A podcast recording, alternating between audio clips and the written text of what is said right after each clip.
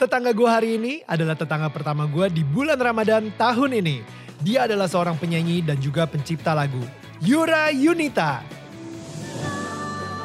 Nah, di sini Yura akan menceritakan bagaimana dia berdamai dengan trauma masa kecilnya, merasa cukup dengan ketidaksempurnaan, dan berani keluar dari sebuah toxic relationship dalam hidupnya. Inilah dia kisah tetangga kita.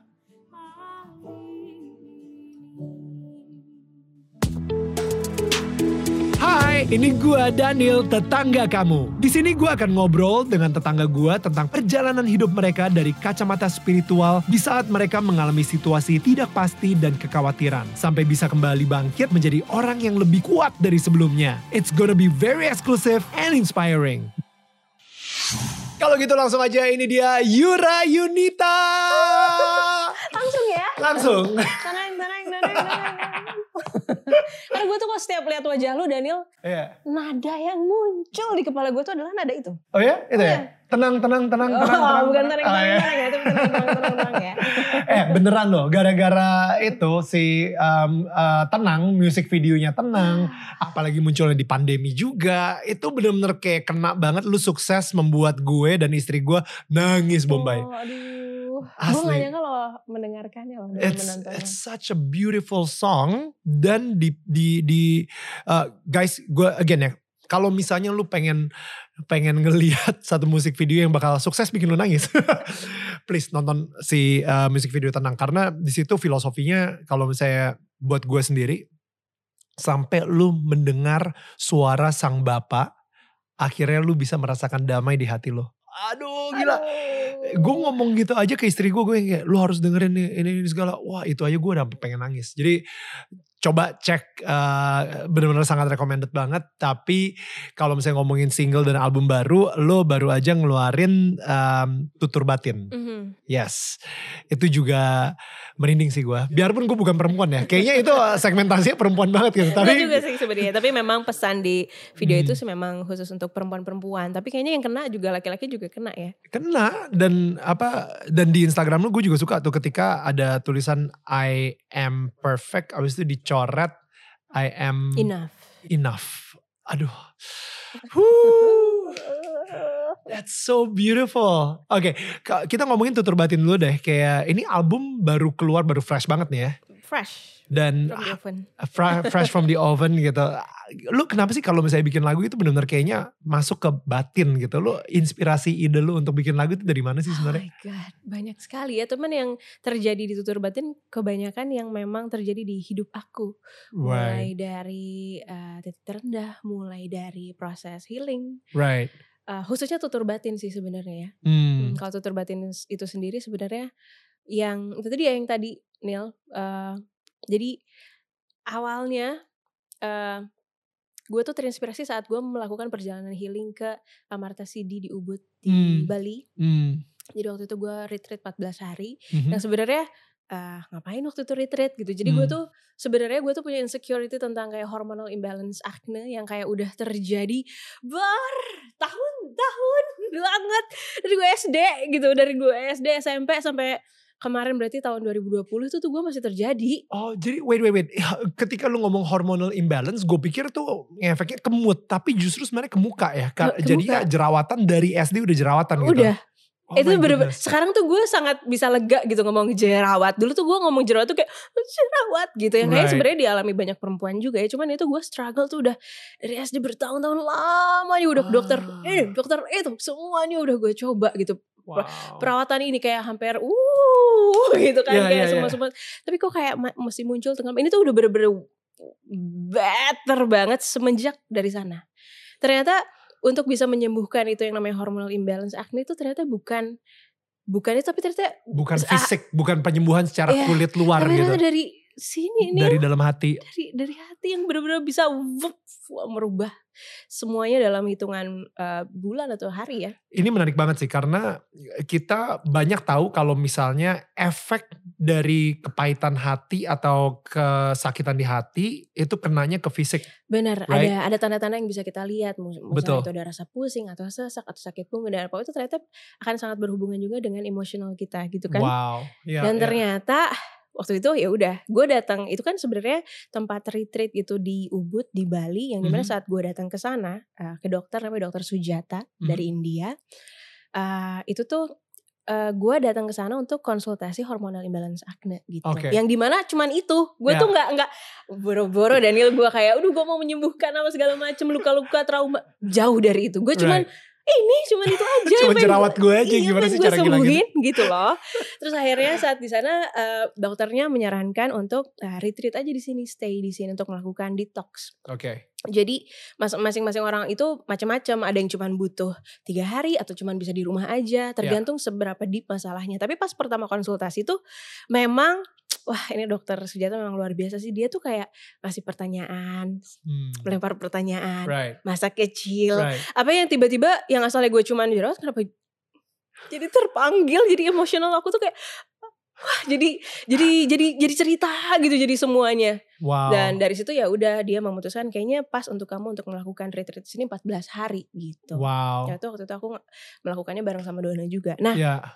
Udah tuh kan pokoknya intinya di sana itu adalah eh, detox ya dari Ya. dalam yang di mana kita membersihkan pencernaan kita ya pencernaan ngeriset pola hidup mulai Ya. gimana eh, apa jam tidur jam bangun tidur begitu Right. pentingnya gitu Right. untuk kita bisa eh, bangun sebelum jam 5 subuh pokoknya bangun sebelum matahari terbit itu Right. supaya ya hari muslim ya harusnya udah terbiasa dong gitu kan bangun jam 5 subuh atau setengah 5 subuh karena itu waktu yang paling baik gitu untuk Ya. untuk di apa program healing ini dan sebenarnya untuk me- maintain uh, kesehatan kamu ke depan juga gitu. Oh, oke, S- stop, stop, stop. Gue oke, gue gue gue selalu suka when science catching up with spiritual. Mhm. Kenapa? Kayak tadi lu bilang gitu. Eh, secara saintifik sudah terbukti bahwa bangun sebelum jam eh, sebelum matahari terbit itu sehat. Mhm. Itu akan baik buat badan, baik buat emosi dan lain-lain gitu ya. Tapi se- sebenarnya secara agama atau Iya. secara spiritual itu hampir semuanya dari rata-rata agama bilangnya bangun sebelum matahari terbit Iya. gitu. Ada sholat subuh, kalau Iya. misalnya di Kristen juga ada saat teduh di mana seharusnya lo yang kayak sebelum seb- eh, pagi-pagi lo hening, abis itu belum lagi ada meditasi di Iya. Buddhis atau Hindu. ya, ya, ya. Jadi maksud gue kayak ternyata hampir semua agama itu mengajarkan bangun sebelum matahari terbit gitu. Mm-mm, mm-mm. Tapi kita nggak ada yang pernah ah udahlah sampai akhirnya ada scientific reason di, ba- Iya, iya, di balik itu logikanya ada Iya, loh. iya, iya, iya. Baru kita oke ngikutin. Ngikutin dan ternyata saat dicobain iya lagi bener-bener ngaruh banget sama uh, uh, physical, emotional, and spiritual gimana gimana? gitu Kalau ya. saya boleh tahu ngaruhnya itu kenapa? Eh, saat misalnya gue bangun setengah lima subuh Oke. itu kita jadi punya waktu lebih banyak untuk uh, satu sholat sholat pagi sholat subuh untuk gue pribadi dari gue SD sampai sekarang yang bener-bener gue bisa kayak khusyuk banget itu subuh subuh gitu Wow. kan subuh subuh tuh kayak di masa-masa kayak baru bangun terus kayak ada di setengah alam bawah sadar bangun dan akhirnya uh, sholat terus mengucapkan uh, doa-doa baik Mhm. yang dilaku jadi itu tuh kan kayak Yang momen efeknya ke seharian Iya, nantinya. itu kan Ah, kayak efek ya apa hal-hal baik yang kita ucapkan untuk memulai hari gitu. betul. Hal baik yang kita lakukan untuk So bisa good. memulai hari itu Ya. kayak mengucapkan rasa syukur apa aja yang udah Ya. kita lalui kemarin, rasa syukur yang udah kita uh, apa uh, rasakan hari ini, terus apa yang harapan-harapan baik kita yang bisa kita panjatkan sama yang di atas gitu saat pagi. Beautiful. Tapi untuk aku pribadi sebenarnya kan ada juga sholat duha atau sholat Sure. zuhur, asar, maghrib dan lain-lain. Tapi untuk gue pribadi personal yang Yeah. paling gue rasa cukup powerful untuk kehidupan gue dari gue SD sampai sekarang tuh justru sholat subuh gitu. Justru pagi. beautiful. Cuman kadang-kadang tantangannya itu kan dor gitu. Kadang kalau kita kerja sampai malam banget, kadang Yeah. pagi-pagi nggak. Ya. Kadang lupa atau kadang nggak kebangun gitu. Tapi ternyata saat kita uh, mencoba melakukan itu setiap pagi, ternyata rasanya sangat powerful sekali untuk Wow. spiritual, emotional, and physical juga gitu. Terus punya Betul. waktu lebih banyak juga untuk olahraga dan kalau untuk misalnya aku berguru juga sama Mas Reza gitu Ya. kan sama Dokter Sujata juga dan setelah sholat itu uh, sebenarnya kan Dokter Sujata tuh Hindu ya, tapi Aha. juga dia menyarankan aku untuk bermeditasi Hmm. gitu. Meditasi tuh awalnya aku, ngapain sih meditasi? Itu kan kayak kosong gitu kan. Ngapain sih gitu. Nah, itu di hari pertama gue kayak masih ngapain gitu tapi ternyata 14 hari di sana gue berlatih ternyata itu kan berlatih kita bisa eh, mengenal diri kita dalam keheningan gitu kita nggak terdistraksi sama hal lain makanya kenapa saat kita bangun tidur tuh disarankan untuk tidak memegang handphone dulu selama tiga jam setelah kita bangun tidur gitu kan Oh. karena biasanya pas kita buka handphone kalau udah ke distract kebiasaan buka handphone ah udah ke distraksi Ya. berita dari orang lain apa Ya. segala macam yang bikin Ya. kita jadi nggak mengakar atau nggak nggak nggak centered sama diri kita sendiri gitu Wow. makanya jadi itu sih yang gue pelajari Dan sorry ya, cuman em, kayak gue suka banget sih tadi ketika eh, lu bilang nggak nggak megang handphone tiga jam pertama gitu. Mm. Karena bayangin kalau misalnya lu eh, mendapatkan kabar buruk tentang apa yang terjadi di dunia ini, mendapatkan kabar buruk misalnya tentang bisnis lu atau keluarga lu, eh, atau misalnya lu ngedapat you know all this all this pressure gitu, tekanan-tekanan tertentu, sementara lu masih di dalam selimut. Ngerti gak lo? Iya, iya, kayak iya. kayak wow, what a what a way to start a day. Iya, gitu kan. iya, iya. Fondasi lu masih belum kuat Iya, juga iya, iya, untuk kayak sadar dan you know, jadi emang bener sih ketika lu tiga jam pertama lu align banget dengan sholat misalnya dan uh, gue do, doa dulu uh, bersyukur gitu Hmm. kan lu lu bersyukur dengan apa yang terjadi dan lain-lain.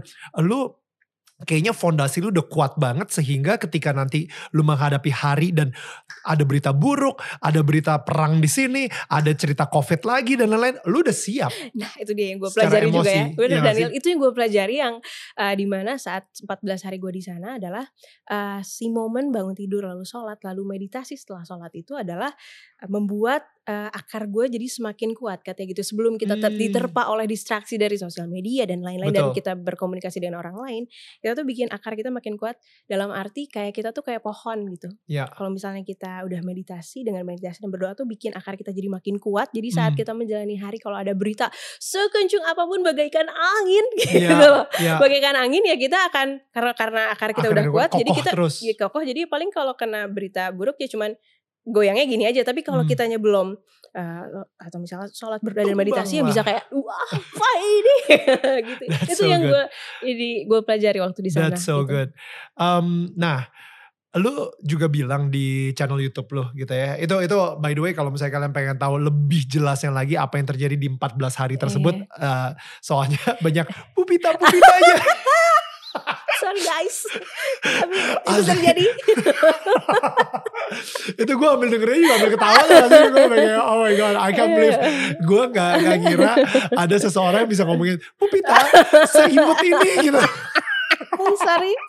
Kayaknya kalau misalnya gue ngomongin kayaknya gak Kayaknya disgusting banget gitu But anyway um, di situ lu juga bilang kalau misalnya ada momen ternyata uh, yang menyebabkan uh, hormonal imbalance lu itu ternyata lu belum berdamai dengan diri lu sendiri dengan uh, Yura yang umur lima tahun yang masih kecil gitu kan. Iya.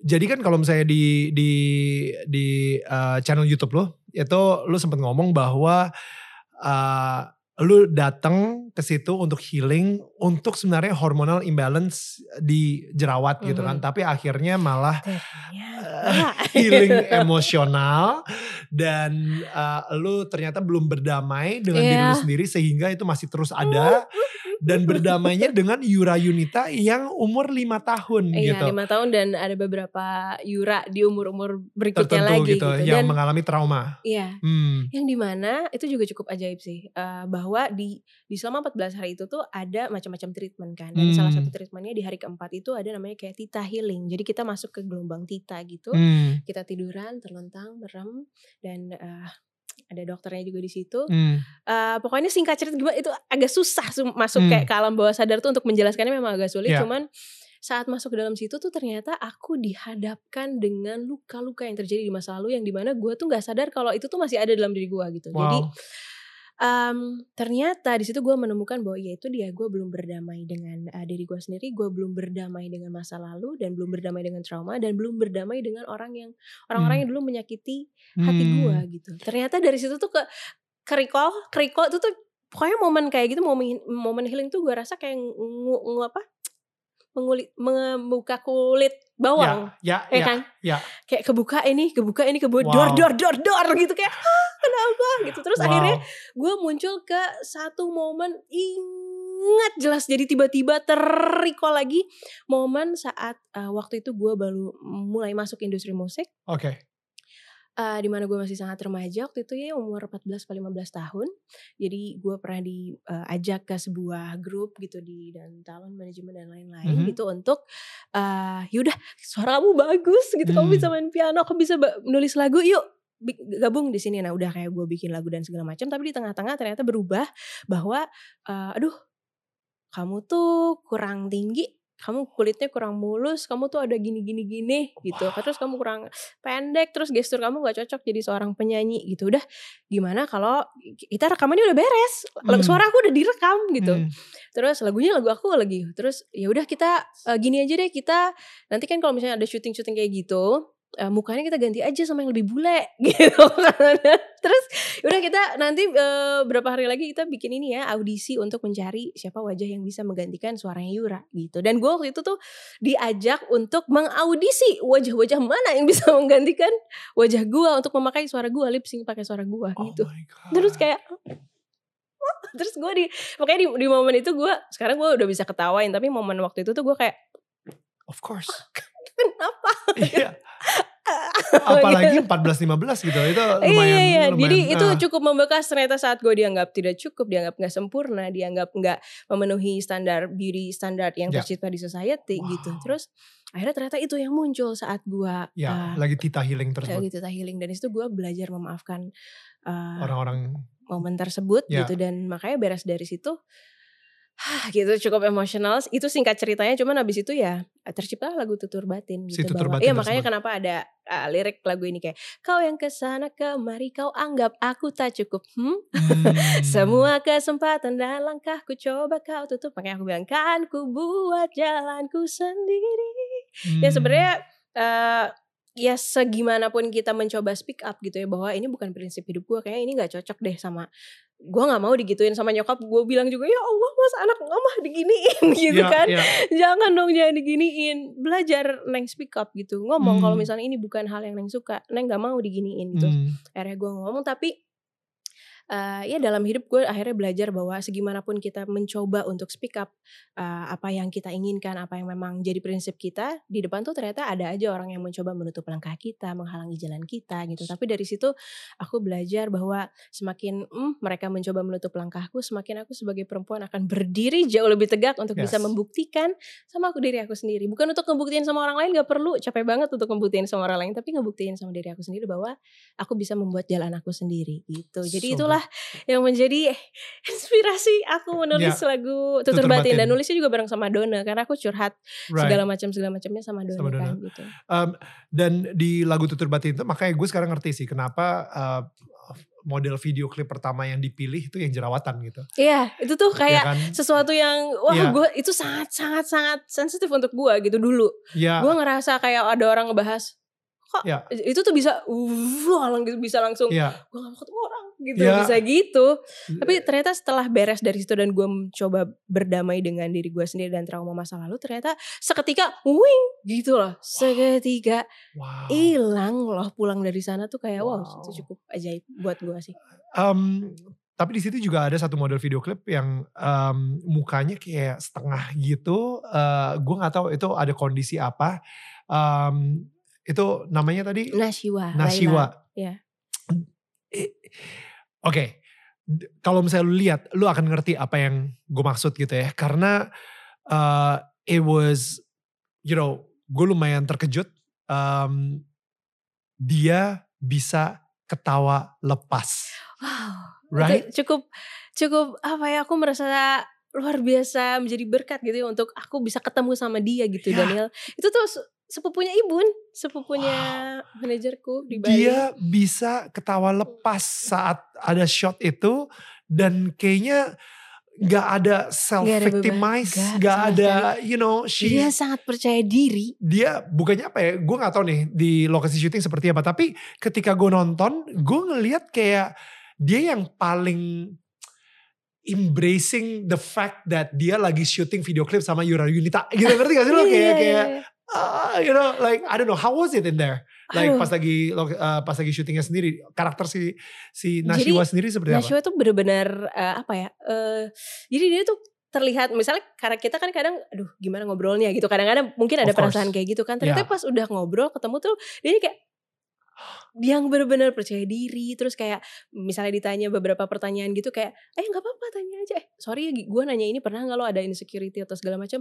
It's okay nggak apa-apa nggak usah nggak enakan gitu. Gue gue udah biasa kok kayak ditanya kayak gini dan gue juga nggak apa-apa untuk ceritain hal ini gitu.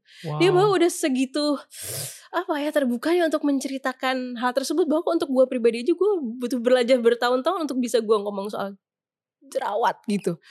Bahwa gue udah mengalami sampai kemarin ke ke healing, healing gitu. itu aja gue baru bisa ya embrace eh, Ya. ketidaksempurnaan gue gitu tapi kalau dia tuh kayak gak apa tanya aja gue biasa aja kok gitu sesantai itu gitu Wow, itu kayak wah gue belajar banyak sih dari perempuan-perempuan yang terlibat di ya, musik video itu. Ya banyak banyak banyak. Dan gue Iya. gue ngelihat kalian akhirnya satu shot rame-rame da- dalam hati Ah. gue kayak ini berapa lama ya si Yura ngobrol sama mereka satu-satu? Gitu kayak I think like you know uh, it's it's a beautiful it's a beautiful music video dan uh, antar misalnya lu perempuan lu laki-laki atau lu ngerasa uh, dituntut untuk menjadi sempurna uh, oleh sebuah standar keluarga, standar persahabatan, standar industri atau apa pun, please go watch that music video karena menurut gue itu benar-benar kena di gue sendiri juga kena soalnya. Ya. Itu dia Daniel, gue tuh belajarnya dari, dari proses kemarin gue healing sampai proses pembuatan ini, gue tuh belajar bahwa itu dia ya kadang kita tuh nyari kesempurnaan sampai ke mana ke sana mau healing juga kita nyari sampai Ya. ke ujung dunia pun kita cari kesempurnaan rasanya nggak akan ada habisnya gitu ya Neil ya Ya. kalau nyari-nyari kesempurnaan ternyata You dari situ enough. eh ternyata gue belajar bahwa ya kalau misalnya ternyata hati kita masih tetap kosong tuh ternyata yang kita cari tuh diri kita sendiri ternyata jiwa yang terbaik tuh ada di dalam diri kita sendiri gitu bahkan Wow. dulu tuh kan kita mungkin banding-bandingin kita sama hidup orang lain atau sama siapa pun tapi ya itu gue belajar bahwa jawabannya tuh ada di dalam diri kita sendiri dan kita tuh udah Wow. ada di sini tuh jiwa yang terbaik tuh ada di Ya. diri kita sendiri gitu Jadi lu pas lagi di konser merakyat, gue ngeliat ada satu momen di mana lu healing trauma masa kecil lo.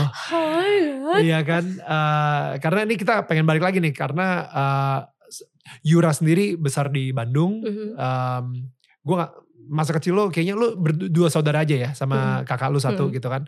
Dan em, lu menggunakan panggung tersebut untuk self healing juga bersama kakak lu yang dan lu ada captionnya di situ Yura Yunita uh, healing trauma masa kecil gitu kan. Dan gue yang kayak wow buset berani banget dia di depan itu you know loh. konser gitu. You know like gila. Itu sih kayak kayak ya wow. It's it's it's courage. It takes like courage banget Bener saat itu I'm sure banget I'm sure itu.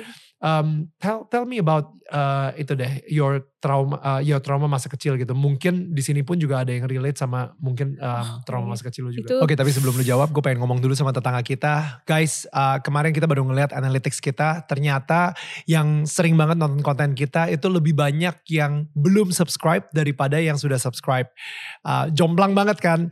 Nah jadi sekarang ini kita lagi ngejar ke 2 juta subscriber. Jadi bagi kalian yang belum subscribe please banget subscribe karena subscribe kalian itu akan berarti banget buat kita dan nge-support kita banget. Thank you so much. Alright, silakan Yura. Ah, gue sampai sekarang masih cukup emosional kalau ceritain ini. Hmm. Mantap, mantap, mantap. It's okay. Bisa yuk, yuk, bisa yuk. Jadi eh, itu dia ya. Misalnya dalam hidup tuh kita kayak ketemu pattern masalah gitu. Hmm. Kayak kenapa sih kita ketemu masalah ini lagi gitu. Ketemu orang ini kayak masalahnya kok kayak hampir sama gitu. Hmm. Misalnya beberapa tahun lagi ketemu sama orang lain kok masalahnya hampir sama gitu. Terus eh, gue tuh menyadari waktu itu kayak eh gue tuh kadang nggak enakan gitu sama orang. Hmm. Misalnya eh gue tuh selalu memilih untuk kalau misalnya ada sebuah perdebatan, gue memilih untuk kayak ya udah, ya udah, ya udah, ya udah gitu. Kadang gue tuh ada juga ada beberapa perasaan takut dulu ya takut dalam arti gue takut ada suara gebrakan gitu gue bisa kayak buk, buk, buk, buk, gue bisa sesek gitu dengar gebrakan atau ada kayak hubungan tertentu yang kayaknya relate sama I don't know apa tapi kayak kenapa bikin gue jadi kayak anxious dan lain-lain gitu sampai Hmm. akhirnya waktu tahun 2017 itu pertama kalinya gue eh, berkenalan dengan yang namanya hipnoterapi gue kayak pengen tahu eh, kenapa sih gue pengen menyembuhkan itu gitu gue pengen menyembuhkan uh, trauma yang gue juga nggak tahu itu trauma apa enggak gitu di masa itu ya Right. gitu akhirnya singkat cerita gue ikut hipnoterapi dan ternyata gue dihadapkan akan kayak itu kan hipnoterapi itu kayak juga masuk ke alam bawah sadar masuk masuk masuk masuk sampai akhirnya ternyata ketemunya tuh adalah saat momen gue umur lima tahun gue masih itu tuh bener-bener kayak nyata banget yang di mana gue tuh inget momen itu tapi dalam keseharian gue saat gue di level sadar bukan di alam bawah sadar gue tuh Udah lu Nggak. timbun banget. ah ah, gue tuh nggak Gak ngeh. eh, nggak nggak ada itu tapi saat di alam bawah sadar gue ingat jelas keadaan itu Gila. jadi eh di momen itu tuh gue masuk ke alam bawah sadar di mana gue umur lima tahun duduk di depan piano yang di mana gue itu tuh momen-momen pertama kalinya gue mau mencoba aku ingin bernyanyi! Karena aku tuh Hmm, sangat terinspirasi oleh kakakku hmm, aku tuh bedanya empat tahun sama gembong sama kakang Hmm. aku manggilnya. Aku beda empat tahun dan aku tuh melihat dia sosok yang sangat bertalenta dia serba bisa gitu main piano bisa biola bisa gitar bisa semua alat musik Wow. bisa dia tuh daya imajinasinya luar biasa tinggi gitu dan Wow. gue tuh pengen banget kayak dia gitu gue tuh pengen kayak kakang gitu hmm. wah karena kakak tuh main les piano gitu kan terus aku akhirnya aku juga mau ah gitu di kamar do re mi fa sol la si do mencet mencet gue belum les piano dan lain gue mencet mencet segala macam terus gue mau nyanyi ah gitu Right. do re mi fa sol la si fals kan waktu itu Yeah. kan do gitu kayak pakai nada yang tertinggi Iya. Saat nada tertinggi ternyata pas banget mungkin saat itu kakak gue merasa terganggu Yeah. dengan suara gue yang Ya. aneh waktu itu waktu Iya. pagi waktu malam-malam soalnya malam-malam Oh, gitu gue oke, juga gak iya, tahu iya. waktu saat itu tapi gue dalam keadaan tidak siap untuk digebrak saat itu sama kakak gue Digebrak as in what digebrak enggak digebrak mejanya. pintu Oh, pintu oke jadi oke. gue pianonya di sini pintunya di Iya, sebelah sana di belakang Pintunya gue digebrak. Oke. ternyata momen itu muncul lagi saat gue ada di alam bawah sadar itu bahwa ini ternyata akar traumanya kenapa lo Setiap denger suara gebrakan, lu Uh-uh. menghindari konfrontasi, lu Iya. jadi people pleaser. Iya, itu gara-gara exactly. momen itu iya akarnya. Oke. Iya ternyata gue digebrak di situ kayak jangan nyanyi, jangan beresek gitu. Wow. Jangan beresek. Right. Di situlah gue ternyata ternyata itu jadi trauma gue. Mungkin hal yang kecil itu mungkin juga gue nggak sangat-sangat tidak menyalahkan kakak gue sekarang course. ya. Karena itu ya lagi malam-malam ribut kali. Tapi untuk guanya pribadi ternyata Ya. itu menyimpan menjadi sampah batin di gue. Nah Oke. pas lagi healing di situ ternyata ya gue harus eh berdamai kayak di di, di alam bawah sadar itu pas lagi hipnoterapi di, di disituasikan gue harus duduk ada ruangan putih bayangin kakang di situ lagi berdiri ngelihat neng dan senyum gitu lo harus ngomong sama kakang gitu apa yang neng rasain selama ini tuh hubungan gue sama jadi gue tuh uniknya ya gue sama kakak gue tuh masa kecilnya tuh nggak pernah ngomong sama sekali kecuali eh mau deodoran dong gitu kakakku mau body lotion dong ini gitu jadi gue tuh nggak pernah nonton TV barengan sama kakakku jadi kalau misalnya dia lagi nonton TV ya gue ke mana kalau gue lagi nonton dia ke mana gitu Hmm, jadi nggak pernah punya koneksi yang baik gitu wow. semenjak kejadian itu Ya.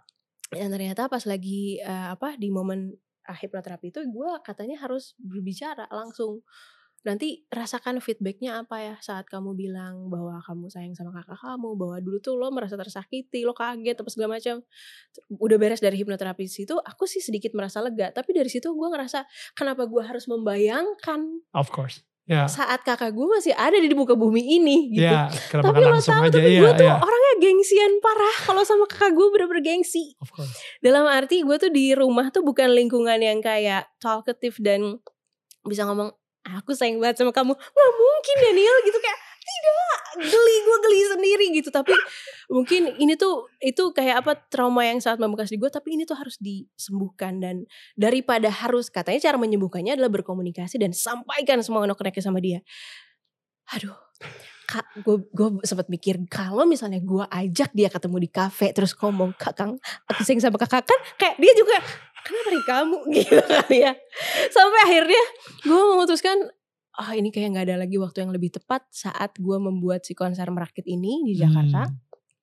di Bandung dan di Jakarta. Yang pas pertama kali di Bandung bahwa uh, gue ingin sekali dan gue tuh kerikol lagi. Waktu itu tuh kakak gue pernah nge-tweet gitu kayak aduh someday seru kali ya manggung bareng sama si Eneng gitu jadi gue tuh hubungan sama kakak gue tuh nggak pernah ngobrol jadi ternyata gue tuh kalau melihat kakak gue tuh ternyata sayang banget gitu ya sama gue tapi dengan dengan caranya, caranya dia, Hmm. caranya dia ke gue tuh keras banget Ya. jadi semua Daniel lo mesti tahu di sejuta umat, berapa juta umat yang ada di dunia ini, orang yang paling keras di hidup gue tuh kakak gue.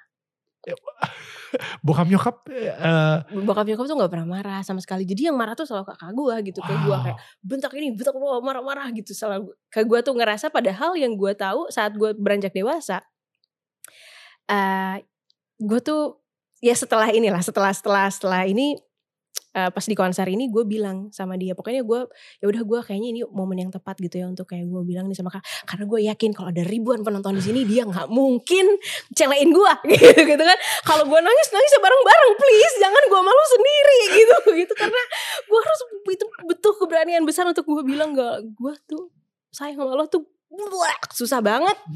Akhirnya di konser itulah gue nyanyi main bareng habis itu gue bilang menceritakan itu ada di YouTube deh kalau kalau hmm. soalnya kalau gue cerita lagi gue bisa gitu yeah, yeah. terus ya udah gue bilang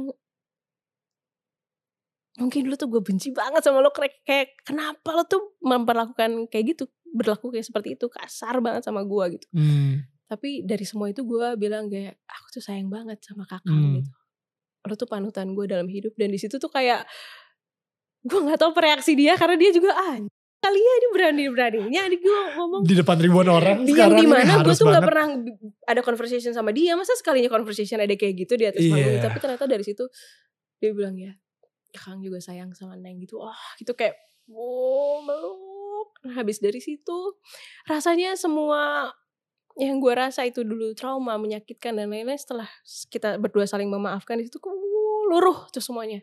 Hmm. luruh. Gue bener-bener bisa sayang banget gitu sama dia. Sampai akhirnya besokannya berapa hari kemudian kita ngobrol kena gue memberanikan diri untuk kenapa sih lo tuh berlaku kayak gitu sama gue gitu dulu. Hmm. terus dia hmm. bilang dia harus jadi orang pertama yang bisa jagain gue gitu dari segala macam puja-puji yang ada di muka bumi ini kata dia gitu.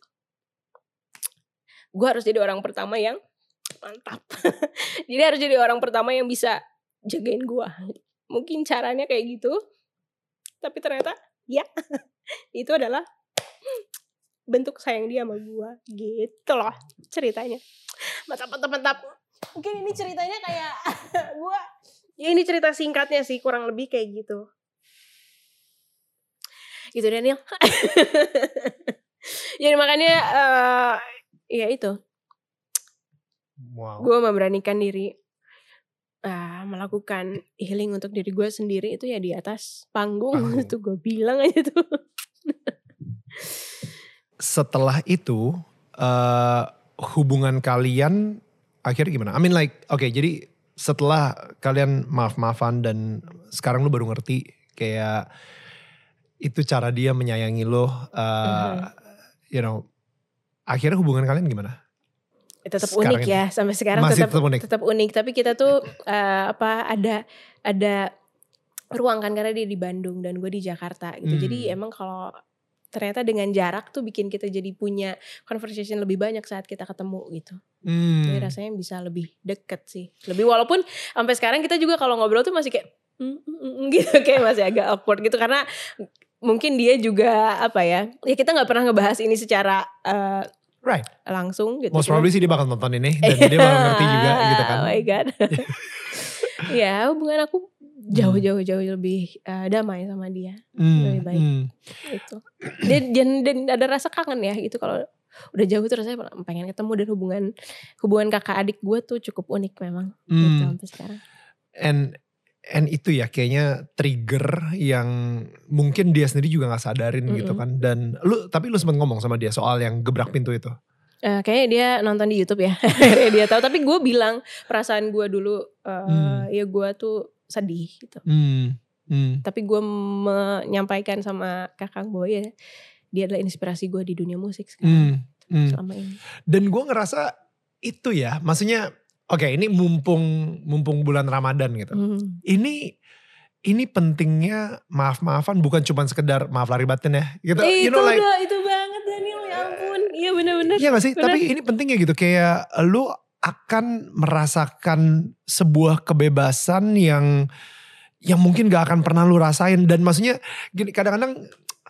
sayangnya gitu sih. Ketika sesuatu udah jadi ritual yang udah kita jalanin dari kecil tiap tahun Mhm. kita lakuin, Mm, akhirnya cuma sekedar hafalan aja dan Mhm. formalitas. mm. Padahal esensi dan filosofi di balik itu itu kan jauh jauh jauh lebih dalam gitu. Yang yang mungkin eh, you know awalnya kenapa Ramadan ini diadain itu sebenarnya esensinya jauh. Lihat, lihat aja Iya. lu akan menjadi orang yang jauh lebih baik juga, lebih Ah, heal, iya, ya kan? terus lebih plong, lebih plong, lebih bebas dan lebih tenang. dan Tuhan pengen banget umat-umatnya emang seperti itu gitu hidup di dunia ini tanpa rasa tertekan, tanpa rasa eh, terbelenggu gitu. Jadi kayak atau ya mungkin sekarang ini lu nonton mumpung lagi bulan Ramadan gitu ya, Iya. mungkin nggak ada satu orang yang lu perlu maaf-maafan gitu. Ah.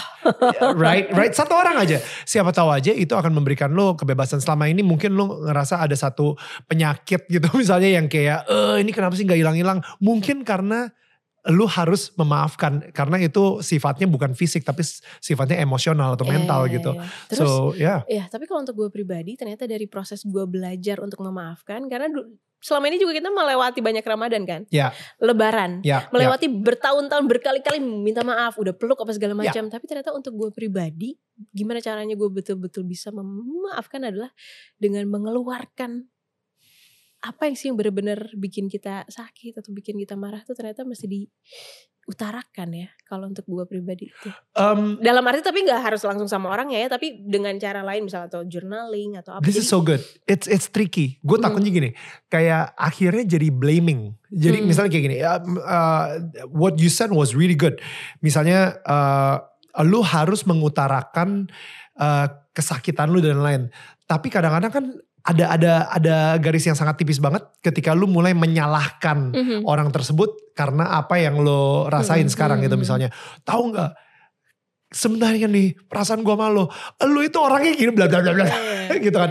Jadi mulai self victimize Hmm, ya kan mulai jangan kayak juga gitu ya. oh gua korbannya di sini, Hmm. ini semua karena lu Hmm, gitu. bukan gitu juga Apa sih yang yang menurut lu uh, membuat lu benar-benar bisa memaafkan kakak lu uh, stepnya itu seperti apa sehingga dia itu benar-benar bisa apa ya terbuka juga gitu dalam menerima dan dia sendiri juga akhirnya bisa ngomong maaf ke lu juga gitu. You, you know what I mean? Like eh, bukan bukan yang bermain bukan ego tapi itu semua pembicaraan conversation tersebut didasari dengan rasa cinta yang yuk kita bikin hubungan kita jauh lebih baik yuk Iya, iya, iya, dengan memaafkan gitu. Hmm, hmm, Eh, kalau untuk gue pribadi ya itu juga bukan menyalahkan kita dari awal gue bilang gue juga nggak pernah tahu kalau ter- akar trauma masa kecil gue tuh ada di momen itu yang Hmm. di mana ya namanya anak kecil juga dulu ju- juga Sure. dia belum ngerti gitu Ya. dan bukan menjadi sebuah kesalahan yang besar juga dari dia gitu sebenarnya Eh, tapi ya itu mungkin aku tuh belajar untuk mengutarakan bahwa dulu tuh gue ngerasa gini loh Hmm. saat lo seperti itu. Mungkin Hmm. lo nggak tahu tapi gue merasa seperti ini. Gue merasa seperti ini. Gue merasa seperti ini. Tapi gue menutupnya dengan ya.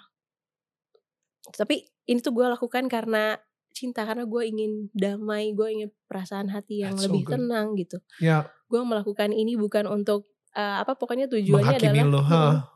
gue hanya mengutarakan perasaan yang gue alami saat That's so itu good. adalah seperti itu. Gitu. dan ini ini penting banget sih kayak kayak um, gue juga pernah ngelakuin hal ini mirip Mhm. banget mirip Mhm. banget dan uh, ke beberapa orang yang emang uh, gue anggap penting dalam hidup gue dan gue nggak mau kehilangan mereka gitu ya. Uh, jadi yang gue lakukan ya, exactly what you said apa yang lu lakuin ke gue membuat gue merasa Iya, aku merasa Ya kan, ini exactly. Bukan, eh you know, contoh deh, contoh. Misalnya gue digampar, gitu kan. eh gue nggak bilang, eh wah lo kacau lo gampar gue gitu, bukan, bukan kayak gitu. Tapi ketika lu menggampar gue, gue merasa jadi kecil. Ketika lu menggampar gue, gue jadi merasa eh, tidak signifikan, tidak penting, tidak di respect. Eh, gue merasa menjadi seorang loser. Eh, gue merasa kecewa, gue merasa sedih.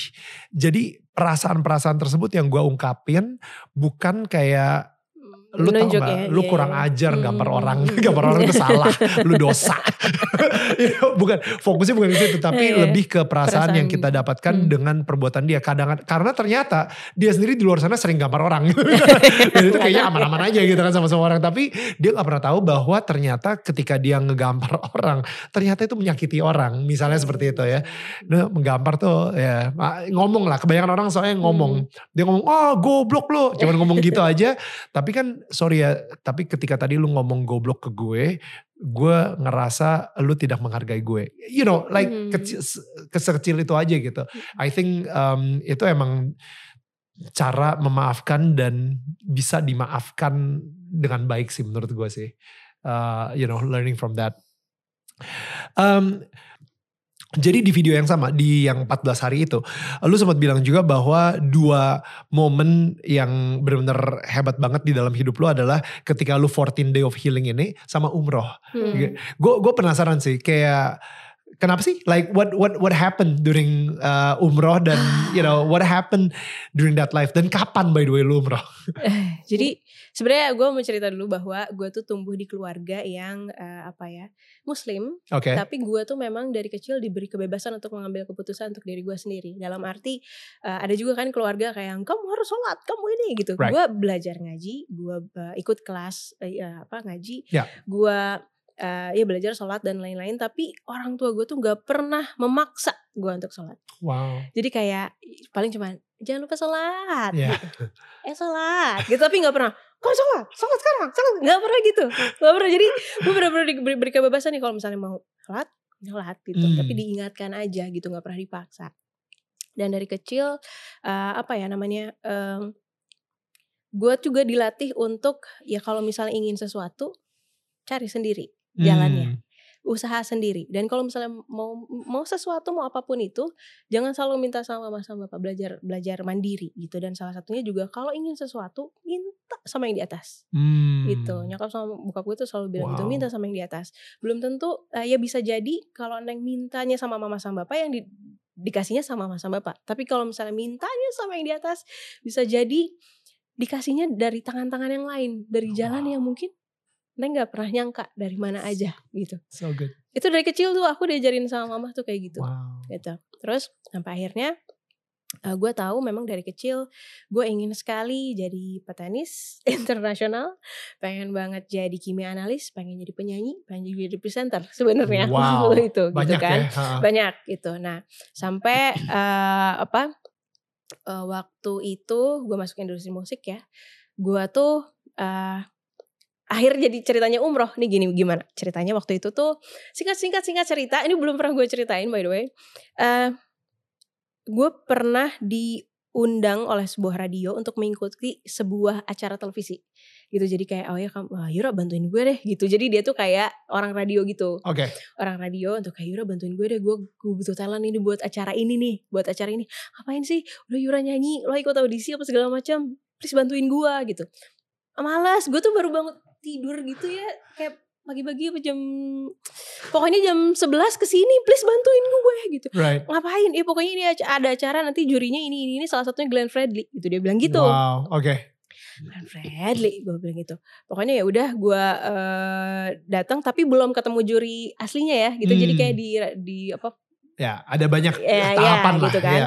ternyata dari situ intinya gue masuk lah gue masuk Oh, untuk wow. ketemu sama eh, juri-juri tersebut dan salah satunya adalah Glenn Fredly waktu Oke. itu pokoknya intinya ya udah deh gue mau ikutan ini karena itu dia tadi kalau cita-cita gue tuh salah satunya yang tadi gue sebutkan dan kalau misalnya gue jadi penyanyi gue ingin sekali bisa melihat matanya Glenn jadi gue ikut acara itu ketemu tuh cuman pengen matanya Kak Glenn tuh kayak apa ya gitu gue tuh itu tahun 2012 2013 gitu Why? Like emang Nggak dari dulu tahu. pengen Iya, jadi karena penyanyi. ngeliat pengen- MTV dulu Ah. kayak wah penyanyi terbaik Indonesia memang cuma dia nggak ada yang lain Iya. lagi gue pengen gitu belajar banyak dari dia dan gue cuma pengen lihat matanya karena menurut gue di cukup sudah matanya tuh bagus gitu nah ternyata saat itu gue berangkat lah waktu itu ke Jakarta harus ada apa mulai kayak audisi pertama gitu Eh gue tuh nggak bilang sama nyokap bokap gue gue tuh setiap acara kayak gitu gue nggak mau dapat atensi dari Hmm. "Ah, udah yang penting ikut aja deh gitu karena niat gue juga nggak pengen jadi apa gitu Hmm. pokoknya ya udah cuma pengen lihat matanya aja nah ternyata saat gue mau ikutan kayak gitu tuh nyokap gue dan bokap gue tuh lagi umroh Oh, oke. lagi umroh terus eh, dan ternyata saat tujuh hari di sana pokoknya gini nih satu dua tiga empat lima pokoknya ini di hari kelima nih gue akan nyanyi nih Oke. ketemu sama Glenn konon katanya gitu kan Hmm. pas gue ke Jakarta tiba-tiba suara gue abis hari pertama dua tiga empat sampai di hari hanya harusnya gue nyanyi abis abis abisnya yang di mana gak tau kenapa nggak bisa ada suaranya sampai do re mi kan biasa biasa Iya. itu do re mi itu nggak bisa do re mi do Oh, re mi no. Iya, iya, iya. parah banget suaranya gue nggak ada bener-bener mentok gak ada suaranya Oh. nggak bisa nyanyi sampai di hari haknya Hmm. Mau malam menuju hari haknya tuh gue kayak ya Allah ini gimana ini gue Hmm. mau nyanyi gitu ya dalam arti itu kan kayak audisi gitu kan Hmm. eh gue mau nyanyi ya Allah gak ada suaranya terus gue tahajud malam itu gue tahajud yang di mana gue jarang banget melakukan itu gitu kayak Right. gue nggak tahu lagi ya Allah gitu tolong gue gitu ya Allah tolong aku besok mau nyanyi itu gak ada suara aja bener-bener gak ada suaranya besok paginya Memang belum ada suaranya. Tetap. Oh, tetap gak ada suara. sama. Sampai akhirnya 5 menit atau 10 menit sebelum gue naik panggung. Nelfon bapak deh gitu. Nelfon bapak. Wah. Bapak gitu. Ya. Terus bapak gue ngangkat. Halo gitu. Bapak Neng mau audisi nih mau nyanyi audisi kata bapak gitu. iya mau audisi nyanyi aku mau nyanyi nanti di depan Glenn aku bilang gitu doain tapi Neng kenapa suaranya kayak gini iya perak aku perak tuh bahasa Sunda artinya Serak. emang serak gitu Ya. suara serak do, tolong doain iya bapak doain nih kebetulan bapak lagi di depan Ka'bah banget lagi di Wow. depan Ka'bah banget bapakku Oke. Oke. tolong doain ya pak iya bapak doain ya dari depan Ka'bah gitu gue juga nggak tahu di bapak gue ada di posisi depan Ka'bah gitu terus doain "Eh, neng pengen nyanyi gitu Ya. neng mau ketemu Kak Glenn aku bilang Ya. gitu terus ya udah bapak doain itu kan kayak 10 menit sebelumnya gue kayak tok tok tok naik tangga Ya. suara gue tiba-tiba wow la la la la la la la la la. ternyata semua jurinya berbalik dan Kak Glenn milih gue ya orang sampai sujud-sujud please masuk tim gue masuk tim gue gitu kayak itu ajaib banget. Itu bener-bener kayak apa ya eh, doa dan kekuatan Allah Iya. saat itu, kekuatan Tuhan yang tiba-tiba bisa flip suara gue tiba-tiba selancar dan setinggi itu. Gue kayak "Ah, kenapa ini? Gitu. Terus akhirnya eh ya Kak Glenn please masuk tim gue dan segala macam. Akhirnya gue masuk. Jadi pertama momen pertama kali gue ketemu Kak Glenn tuh saat Abis itu. Hah. Iya, gue mohon tolong kasih petunjuk dan minta doa sama bokap gue yang kebetulan lagi di depan Ka'bah gitu. Dan ternyata momen itu mengubah hidup gue Yes. sampai hari ini itu Iya. benar-benar membuka pintu rezeki, membuka pintu kesempatan gue, membuka pintu mimpi gue dan satu persatu tercapai tercapai dari hari itu gitu. Dari itu dan dari situ eh, turun dari panggung itu gak ada lagi Daniel suara gue. No. Demi Allah Rasulullah nggak ada lagi gue bahkan do re mi pun tetap do re ah, ini aneh, aneh banget demi Allah aneh banget Hanya di pas audisi momen itu Iya. aja. dan itu lo bisa nyanyi dengan suara yang padahal lo udah seminggu lo nggak bisa gitu Iya. dan setelah tiga hari kemudian gue juga masih masih masih nggak bisa sakit abis itu gue ke Ciranjang suntik apa segala macam Iya. bisa sembuh Iya. Iya. itu bener-bener ajaib itu kayak keajaiban Tuhan sih menurut gue nah dari situ gue sangat percaya bahwa eh, jalan jalan karir gue sekarang jalan rezeki gue selain juga memang karena doa tapi doa yang lebih kuat lagi adalah doa dari orang tua dan juga izin dari yang di atas Ya. momen itu bener-bener mengubah hidup gue sampai sekarang dan beautiful. eh itu momen pertama kenapa gue kayak wah bapak bisa wah ini umroh tuh sangat luar biasa someday mungkin aku pengen gitu nah ya. itu 2000 eh, berapa tuh 2013 kan. Iya. Akhirnya 2017 gue mengalami itu dia. Gue ada di sebuah toxic relationship itu Hmm. bersama hmm, Hmm. ah, yang di mana wah itu kayak tiga tahun empat tahun ter Hancur dalam hidup lo. ya Ya. gue susah ceritainnya cuman itu Ya. kayak salah satu titik terendah gue dalam hidup yang Hmm. gue rasa gue bisa mengalami itu tapi dan itu tuh gue mengalami itu juga bareng sama apa berdampingan dengan Kak Glenn kita ber, Hmm. bergandengan tangan untuk bisa fight Wow. ah, gimana pokoknya Kak Glenn luar biasa ngebantu aku banget membuka jalan aku membantu banyak sekali pokoknya jadi kayak mentor hidup aku jadi kakak jadi jadi bukan hanya Kak Glenn tapi semua keluarganya bener-bener bantuin gue di Wow. momen saat itu sampai kayak gue nggak tahu lagi mesti gimana gue udah kayak kuliah kuliah seminggu dua kali sama Kak Glenn tuh kayak ketemu lawyer apa segala macam ini gimana permasalahan ini karena dalam hidup tuh ada aja yang coba manfaatin Hmm. uh, kita kebaikan Kak Glenn ada aja yang coba Hmm. mema- memanfaatkan itu Ya. gitu sampai akhirnya gue kayak nggak tahu lagi gimana ya Allah bantu sampai akhirnya aku nggak tahu mau cerita sama siapa lagi yang bisa gue cerita sama yang Ya di di atas. atas dia sampai akhirnya gue memberanikan diri untuk ngomong tahun 2017 untuk mah pak temenin neng umroh yuk gitu aku bilang gitu wah keluarga mau nyokap buka buka kayak ada apa sama anak gua kayak gitu kayak kenapa anak aku mau umroh tiba-tiba gitu itu kayak karena gue tuh bener-bener jauh dari soleh ya sebenarnya gue masih ya bolong-bolong sholat jadi kayak umroh terus neng yang minta gitu kayak gak tahu ya, mungkin ini panggilan Tuhan kali ya gue Ya. rasa eh, di, di diundang untuk ke rumahnya gitu Wow, oke. What a story. Guys, thank you for listening to this podcast. Tapi tenang, ini baru part pertama. Masih ada part selanjutnya. So, biar kalian gak ketinggalan, yuk di follow dulu. Ingat ya, Daniel tetangga kamu.